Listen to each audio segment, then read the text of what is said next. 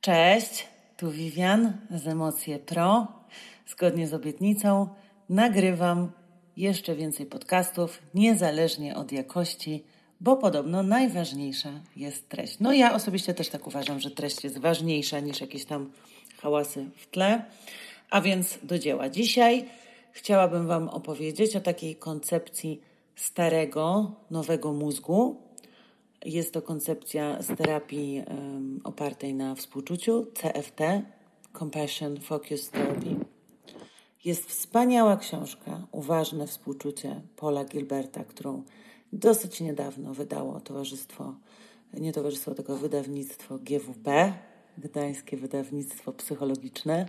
Zachęcam Was naprawdę do zapoznania się z tą książką. Uważam, że każdy powinien ją przeczytać. No dobrze, słuchajcie, dlaczego tak trudno nam z naszymi własnymi myślami, emocjami, naszym własnym tak naprawdę umysłem i jak może nam pomóc współczucie? O tym porozmawiamy. Tak, każdy z nas chciałby być szczęśliwy.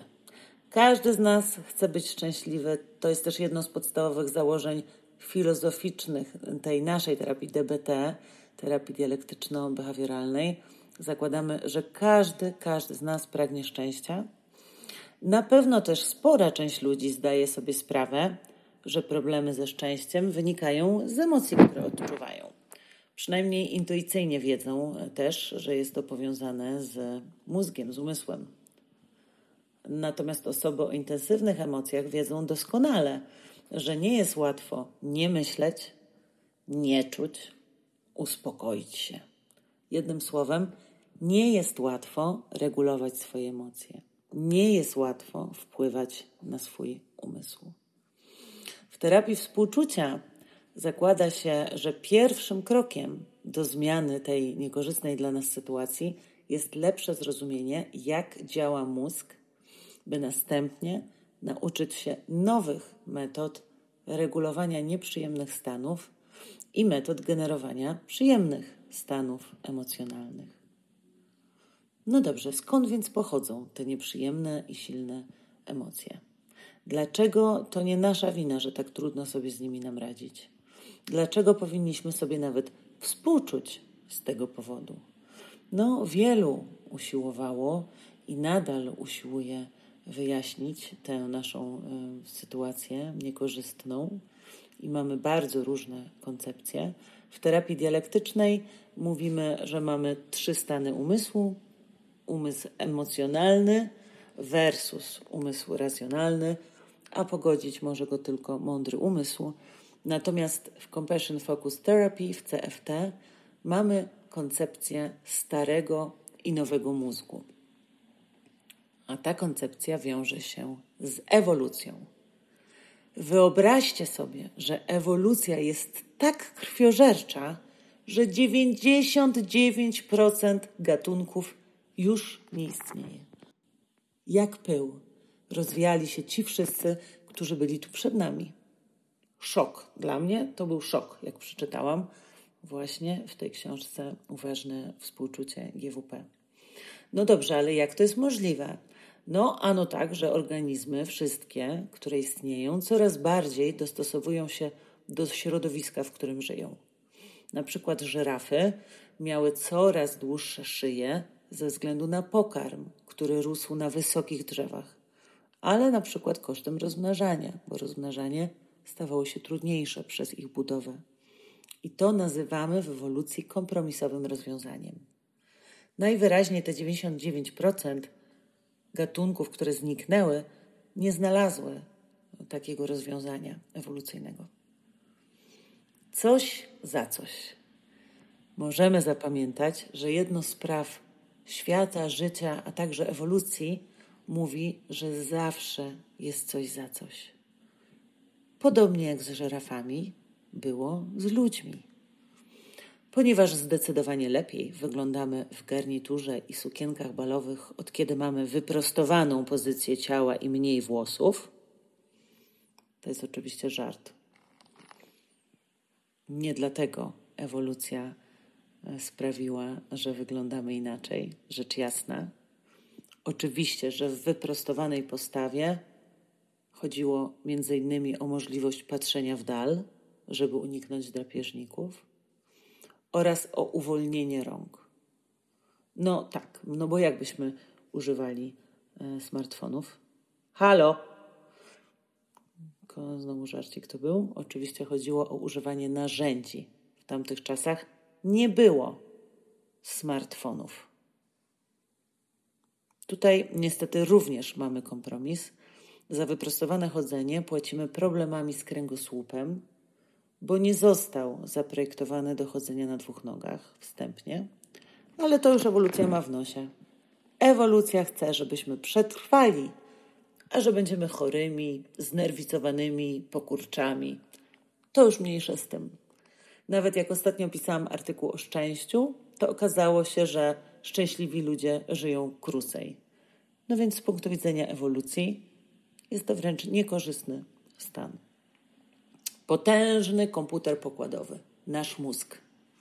Jak czytamy w książce Paul Gilbert, Uważne współczucie GWP na stronie 61, każda funkcja organizmu, od oddychania, pobicie serca, każdy wykonywany przez nas ruch, każda odczuwana przez nas emocja i każda nasza myśl są nadzorowane przez mózg. To mózg interpretuje wszystko, co wykrywają narządy zmysłów. Czy to jest pożywienie? Czy to może być drapieżnik? Czy to może być okazja do seksu? Czy nadchodzi burza i muszę znaleźć schronienie? Gdy mózg przypisze postrzeganym sygnałom określone znaczenie, wówczas musi pokierować organizmem tak, aby odpowiednio do tego zadziałał, żeby zbliżył się do pożywienia, żeby uciekł przed drapieżnikiem, żeby walczył z rywalem albo żeby połączył się z partnerem seksualnym. Nasz mózg jest więc wyposażony w mechanizmy radzenia sobie z zagrożeniami i wykorzystywania okazji, które służą przetrwaniu i reprodukcji. Dwa mózgi. No, jak zwykle sprawa jest dużo bardziej skomplikowana. Okazuje się, że nasz mózg ewoluował miliony lat i nie robił tego w sposób uporządkowany, tak jak zwija się kłębki wełny. Przypominało to bardziej doklejanie różnych kolorów plasteliny. Tak naprawdę mamy dwa rodzaje mózgu w naszej głowie. Stary mózg. Stary mózg jest podobny do zwierzęcego i odpowiada za emocje podstawowe, np. złość, lęk, wstręt, radość. Te emocje potrafi odczuwać wiele zwierząt: szczury, konie, małpy. W starym mózgu mamy podstawowe zachowania obronne. Atakujemy, kiedy czujemy złość, kiedy się boimy, poddajemy się albo próbujemy się ukryć czy uciec. To samo robią zwierzęta, kiedy czują się zagrożone. Mało tego, zwierzęta, dokładnie jak my, walczą o społeczną pozycję, związki seksualne, przyjaźnie, wchodzą w konflikty, mają wrogów, dbają o dzieci, przywierają do innych, kiedy się boją. Wnioski są takie, że wiele naszych emocji złość, lęk, potrzeb bycia kochanym, szanowanym, unikanie bycia odrzuconym jest wbudowanych w nasz stary mózg. Eee, tam, to tylko emocje. Możecie sobie wzdychać, ile wlezie. Pff, to tylko emocje. Ale wtedy pokazujecie, że nie zdajecie sobie sprawy, że praktycznie za każdym naszym działaniem stoi motywacja, a za nią czy przed nią emocja. Emocja i motywacja jest ze sobą bardzo mocno powiązana. Tak bardzo, że czasami trudno znaleźć granice między nimi. Wystarczy sobie przez chwilę wyobrazić, jak wyglądałby świat lub nasze życie bez miłości, smutku, lęku, zawiści, nienawiści itd. Tak Jeśli chcecie się dowiedzieć więcej o tych emocjach, które wymieniłam, to w artykule macie odnośniki do naszego cyklu Encyklopedii Emocji, gdzie opisujemy wszystkie emocje po kolei. By zrozumieć, jak wielką moc mają w naszym życiu emocje, wystarczy pomyśleć o tym, że 38% osób w EU w Unii Europejskiej cierpi z powodu zdiagnozowanego zaburzenia psychicznego, czyli to są poważne problemy. W większości takich problemów, weźmy choćby depresję, zaburzenia lękowe, zaburzenia osobowości, to właśnie emocje stanowią trzon problemu, a raczej problemy z ich regulacją. A tutaj przyczyna najczęściej leży w nowym mózgu. W nowym mózgu. Nowy mózg, dwa miliony lat temu, mózg ludzki ewoluował i wykształcił nowe umiejętności. Nauczyliśmy się wyobrażania sobie, fantazjowania, myślenia, rozumowania, planowania w sposób absolutnie unikalny dla naszego gatunku. Mamy rodzaj samoświadomości, którego zwierzęta nie mają. Zwierzęta żyją z chwili na chwilę. Możemy myśleć o przyszłości, jak chcemy się czuć, jakiego chcemy życia. Możemy żałować przeszłości i bać się przyszłości. To jest część nowego mózgu.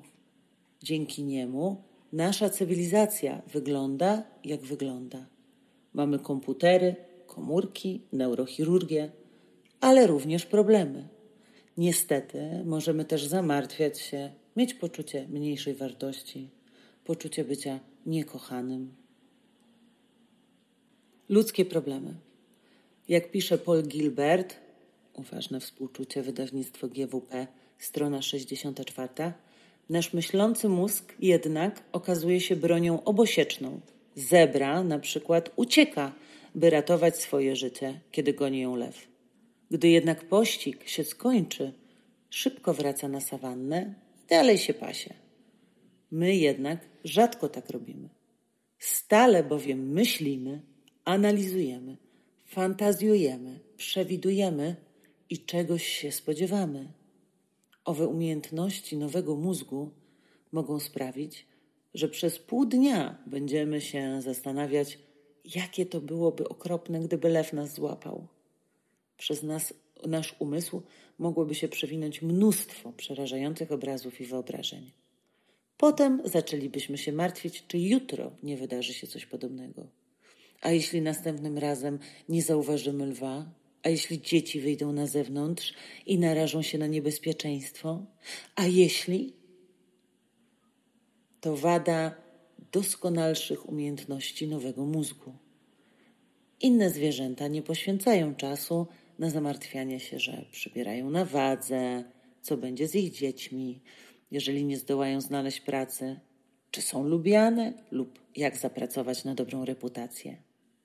Przyrost mądrości wprowadził całkowicie nowy element do strumienia życia.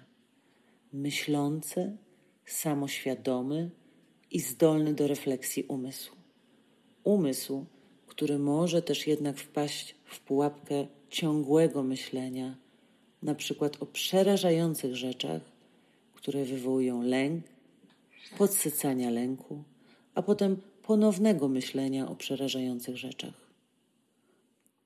Jednym słowem, nowy mózg może być sabotowany przez stary mózg, który nadaje mu ton, zamiast odwrotnie. Czyli to emocje i impulsy ze starego mózgu nadają ton temu nowemu mózgowi, gdzie właśnie mamy to myślenie o negatywnych rzeczach, ruminacje itd. Tak Jaskiniowiec i pan z teczką.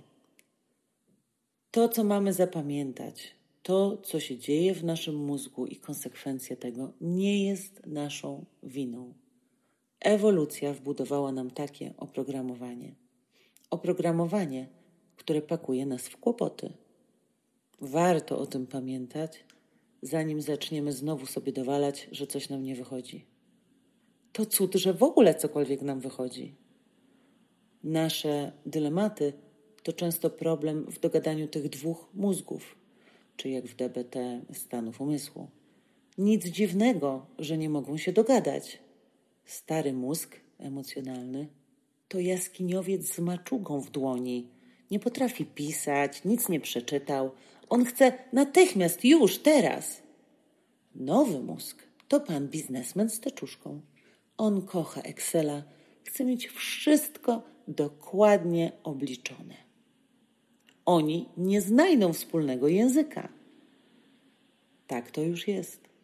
Ewolucja ma w nosie nasze szczęście. Ona dba tylko o przetrwanie. Współczucie. Czy w takim razie jesteśmy przeklęci i powinniśmy położyć się w oczekiwaniu, aż ewolucja też nas usunie? Nie. Na szczęście mamy też zdolności do cieszenia się, radości, spokoju, opiekowania, a nawet możemy rozwijać nasz mózg w tym kierunku. I właśnie jednym ze sposobów takiego rozwijania jest praca nad współczuciem dla siebie. I teraz cytat z książki Uważne współczucie GWP, strona 79, Paul Gilbert. Korzyści płynące z nauki kultywowania współczującego ja, co poprawia nie tylko nasz dobrostan, ale także sposób odnoszenia się do innych ludzi i budowania społeczeństwa, w którym żyjemy, coraz częściej znajdują potwierdzenie naukowe. Badacze na całym świecie bowiem zaczęli analizować zalety trenowania umysłu we współczuciu. Okazuje się, że taki trening skutkuje wieloma zmianami fizjologicznymi w mózgu, które sprzyjają dobrostanowi i pomagają budować harmonijne relacje. Badania dowodzą też, że jeśli nasze cele są oparte na współczuciu, na przykład szczere pragnienie pomagania innym oraz unikania krzywdzenia ich, a nie na egocentryzmie, na przykład pragnienie, by wyprzedzać innych oraz by inni zauważali naszą przewagę, to częściej miewamy pozytywne relacje, jesteśmy bardziej zadowoleni oraz mniej przygnębieni, zestresowani czy przestraszeni.